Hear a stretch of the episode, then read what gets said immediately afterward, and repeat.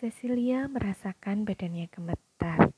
Apakah itu karena ia sangat curiga? Bolehkah aku mengajukan sebuah pertanyaan yang benar-benar tolol? Kata Cecilia. Bertanya itu tak pernah merupakan suatu ketololan. Cecilia menarik napas dalam-dalam. Apakah kamu perempuan atau laki-laki? Ariel tertawa panjang sekali. Tawanya mengingatkan Cecilia pada bunyi yang ia dengar saat bermain dengan botol-botol berisi air. Menyenangkan sekali mendengarnya, sehingga Cecilia mengulanginya lagi. Apakah kamu perempuan atau laki-laki? Pastilah Ariel memikirkan baik-baik pertanyaan itu. Karena ia tertawa sedikit lebih panjang, sebelum menjawab, dan kali ini tawanya agak terkendali. Itu benar-benar pertanyaan yang sangat polos. Cecilia tersinggung. Bukankah tadi Ariel bilang bahwa bertanya itu tak pernah merupakan suatu ketololan? Perbedaan aneh semacam itu tak pernah ada di surga, kata Ariel meyakinkan. Tapi Aku tak keberatan jika kamu menganggapku laki-laki, sehingga kita berdua bisa mewakili kedua jenis kelamin yang ada. Kalau begitu, kenapa harus ada perbedaan aneh semacam itu? Tadi kita sudah membicarakannya. Harus ada dua jenis kelamin berbeda supaya anak-anak baru datang ke dunia. Kau sudah tahu itu, Cecilia. Sebenarnya, tidak terlalu menarik bagi malaikat membicarakan hal-hal semacam itu. Maaf deh, tak apa-apa kok. Aku yakin Tuhan tidak akan membuat anak laki-laki dan anak perempuan berbeda. Jika saja mereka tidak akan menjadi laki-laki dan perempuan dewasa dan membuat anak baru. Mungkin sewaktu penciptaan, ia menganggap tak ada cara selain itu Apakah kau punya usul yang lebih baik? Enggak. Sekarang Ariel menjadi bersemangat. Seandainya manusia berkembang biak dengan cara dicangkokkan ke batang pohon, kau juga pasti akan bertanya-tanya. Tapi, seperti apa pun kenyataannya, segala sesuatu mungkin berlangsung berbeda. Sebagai contoh, kalian mungkin saja hidup di dalam perut planet ini, bukannya berkeliaran di atasnya. Mungkin kalian bisa membuat kota-kota dan lahan-lahan pertanian di dalam planet, asalkan kondisinya memungkinkan. Dan kalaupun kondisinya tidak memungkinkan, manusia hanya perlu berusaha mengubahnya. Tentu saja butuh upaya yang luar biasa untuk membuat sebuah dunia yang benar-benar baru, tapi kalian bisa memulai dari awal yang baru. Ide gila, celetuk Cecilia. Dan makin lama aku pikir rasanya tambah gila. Ide yang mana? Ide bahwa harus ada dua jenis manusia di bumi. Ariel duduk sambil memasang senyum nakal di wajahnya. Itu adalah salah satu isu yang selalu kami diskusikan di surga. Tapi tidak sama rasanya. Kenapa tidak? Karena kami mendiskusikan sesuatu yang berbeda dengan diri kami sendiri. Pasti lebih aneh lagi rasanya berpikir bahwa dirimu sendiri adalah sesuatu yang aneh. Kurasa kau tak bakal menemukan sebongkah batu yang berpikir bahwa menjadi sebongkah batu adalah sesuatu yang aneh. Dan kau juga yakin tak seekor kura-kura pun yang berpikir bahwa menjadi seekor kura-kura itu menakjubkan. Tapi tampaknya beberapa manusia berpikir bahwa menjadi manusia itu adalah sesuatu yang aneh. Dan aku benar-benar sepakat dengan mereka. Aku tak pernah sepemikiran dengan batu atau kura-kura. Apa menurutmu menjadi malaikat itu tidak aneh? Ariel butuh waktu untuk menjawabnya. Itu berbeda karena aku telah menjadi malaikat sepanjang keabadian. Kau belum lama menjadi Cecilia Scott Bu. Betul, dan aku masih menganggap menjadi diriku itu aneh. Seluruh alam semesta ini adalah sebuah puzzle tentu saja. kata Ariel menyimpulkan. Tapi yang paling aneh adalah di beberapa tepian dari puzzle akbar itu terdapat sekelompok makhluk yang merasa diri mereka adalah puzzle. Kenapa itu aneh sekali? Itu agak mirip dengan sebuah sumur yang bisa menyelami kedalaman misterius dirinya sendiri. Aku sudah sering melakukannya, tegas Cecilia. Bagaimana kamu melakukannya? Aku berdiri di depan cermin dan memandang dalam-dalam mataku sendiri. Kemudian aku membayangkan bahwa aku adalah sebuah sumur yang sangat dalam, sehingga ia tak sanggup memandang dasarnya sendiri. Itu karena kamu berubah sepanjang waktu, karena berangsur-angsur dirimu berubah. Kamu memang haruslah sedikit terkaget-kaget melihat perubahan itu. Kalau seekor ulat bisa berpikir, aku yakin ia sangat kaget ketika mendadak menyadari dirinya telah berubah menjadi kupu-kupu. Hal semacam itu bisa terjadi dalam waktu semalam. Tapi para malaikat di surga sama herannya ketika melihat seorang gadis kecil berubah menjadi perempuan dewasa. Perbedaan waktu sekecil itu tidak banyak artinya bagi kami. Kenapa tidak? Para malaikat punya banyak waktu, Cecilia, dan ada perbedaan besar antara seorang gadis kecil dan seorang perempuan dewasa. Apa benar kalian membicarakan hal-hal semacam itu di surga? Ariel mengangguk malu-malu. Ia memandang ke sekeliling kamar, kemudian ia berkata, "Tapi kami berusaha tidak membicarakannya dekat-dekat Tuhan. Ia sangat sensitif terhadap kritik. Rasanya aku susah mempercayainya." Tapi kamu kan bisa mempercayai begitu banyak hal. Kamu tak mengira pandanganmu sama dengan para malaikat di surga, kan? Bukan. Maksudku, selama ini kupikir Tuhan tidak mungkin bisa dikritik. Iya, kamu kan belum pernah bertemu muka dengannya. Tapi, seandainya kamu menciptakan seluruh alam semesta tanpa bantuan siapa pun, aku yakin kamu juga akan sedikit sensitif terhadap kritik. Kami para malaikat mendiskusikan banyak hal banyak sekali hal penting. Meskipun Tuhan melihat segala yang dijadikannya itu sangat amat baik, bukan berarti ia tidak bisa membuatnya berbeda.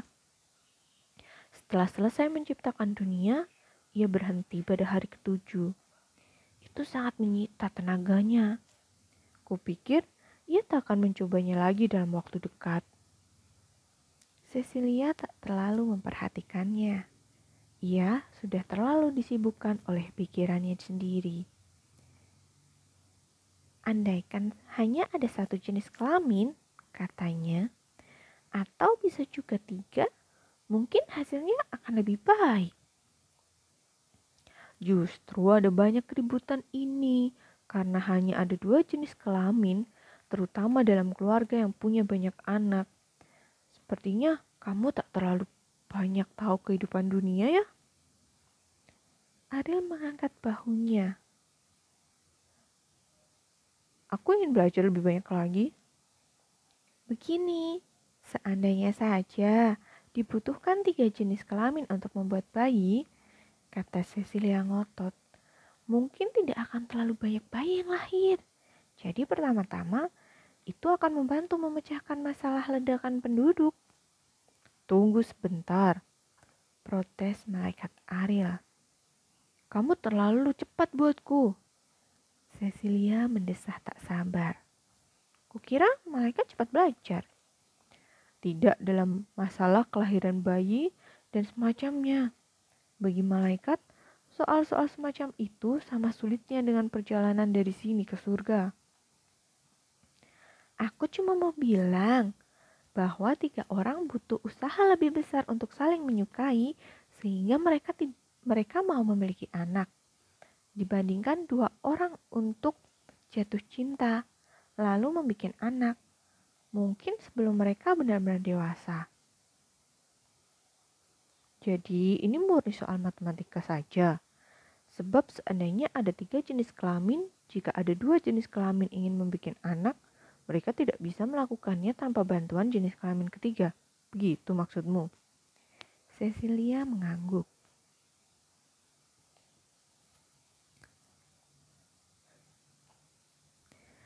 Jika dua dari ketiganya ingin membuat anak, mungkin yang ketiga akan bilang, enggak deh teman-teman, kita harus rasional dong.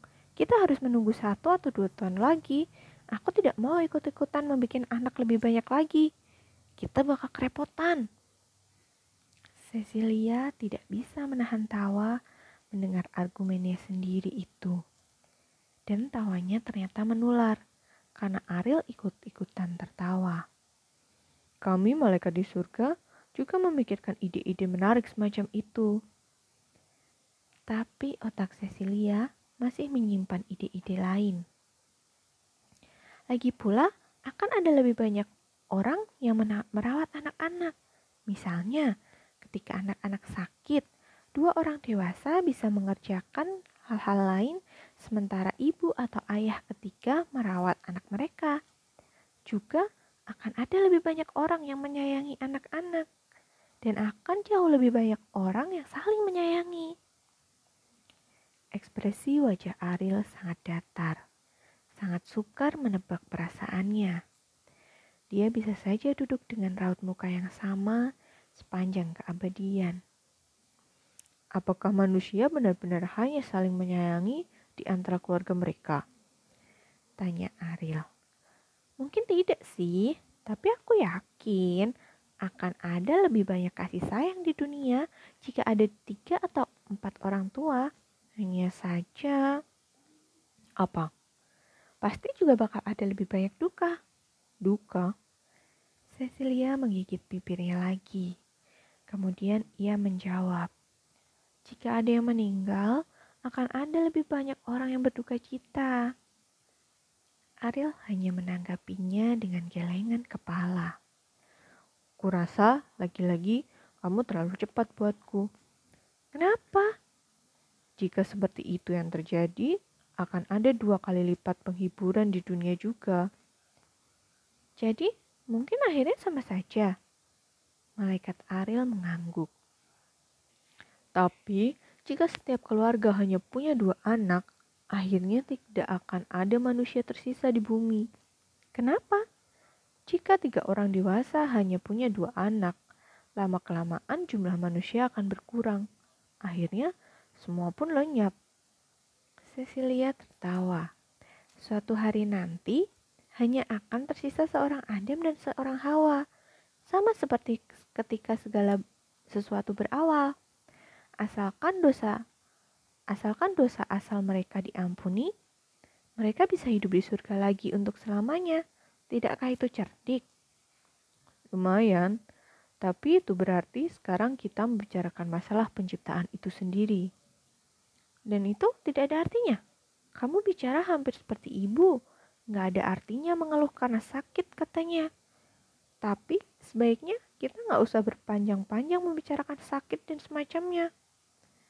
Aku sejak tadi tidak pernah membahas tentang sakit, tapi aku berjanji akan menyebut di ide tiga jenis kelamin itu kalau nanti aku berbicara dengan Tuhan. Dia juga punya selera humor loh.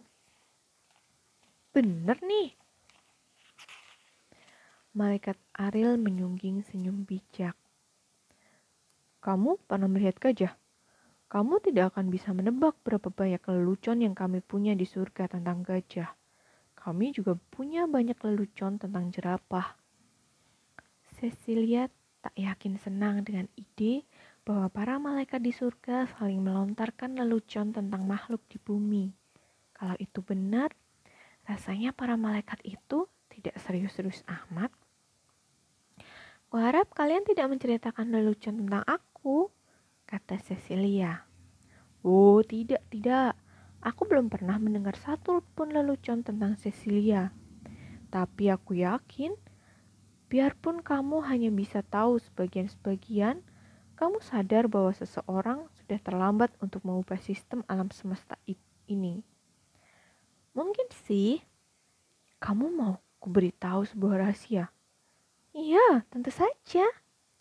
Kadang-kadang, Saat kami membicarakan keadaan segala sesuatu dan bagaimana segala sesuatu dapat dibikin berbeda, Tuhan hanya berkata, "Aku tahu banyak hal bisa dibikin berbeda, tapi semua sudah terjadi dan aku sudah berbuat sebisaku." Cecilia ternganga. Kamu gak akan menemukan satupun pendeta yang mempercayainya. Kalau begitu, entah para pendeta atau Tuhan yang keliru. Cecilia menutup mulutnya dengan tangannya terkesiap. Pada saat yang sama, sang malaikat mengerit. Ibumu datang, kata Ariel. Aku harus bergegas. Aku gak mendengar apa-apa, tapi dia memang datang. Cecilia mendengar alarm jam berbunyi di kamar sebelah. Apa kamu akan pergi? Ariel menggeleng. Aku akan duduk di tepi jendela. Apa ibu bisa melihatmu? Kurasa tidak. Sesaat kemudian, ibu Cecilia masuk. Cecilia? Hmm. Kamu menyalakan lampu. Ibu bisa lihat sendiri. Ibu cuma ingin melihat keadaanmu. Apa sudah pagi? Sekarang pukul tiga. Tapi aku tadi mendengar bunyi alarm. Ibu menyetelnya di pukul tiga. Kenapa? Karena ibu sayang kamu. Ibu tidak bisa membiarkanmu sendirian sepanjang malam. Tidak pada malam Natal. Ibu tidur lagi saja. Kamu bisa tidur. Kadang aku tertidur, kadang aku terjaga. Aku tidak bisa membedakan keduanya. Kamu ingin sesuatu? Aku sudah punya air minum, dan kamu tidak ingin ke kamar mandi. Cecilia menggeleng. Indah sekali tadi waktu kalian menyanyi. Aku tertidur, padahal nenek sedang memainkan piano. Apa kamu mau ibu membiarkan udara segar masuk? Mungkin sedikit saja. Ibu menghampiri jendela.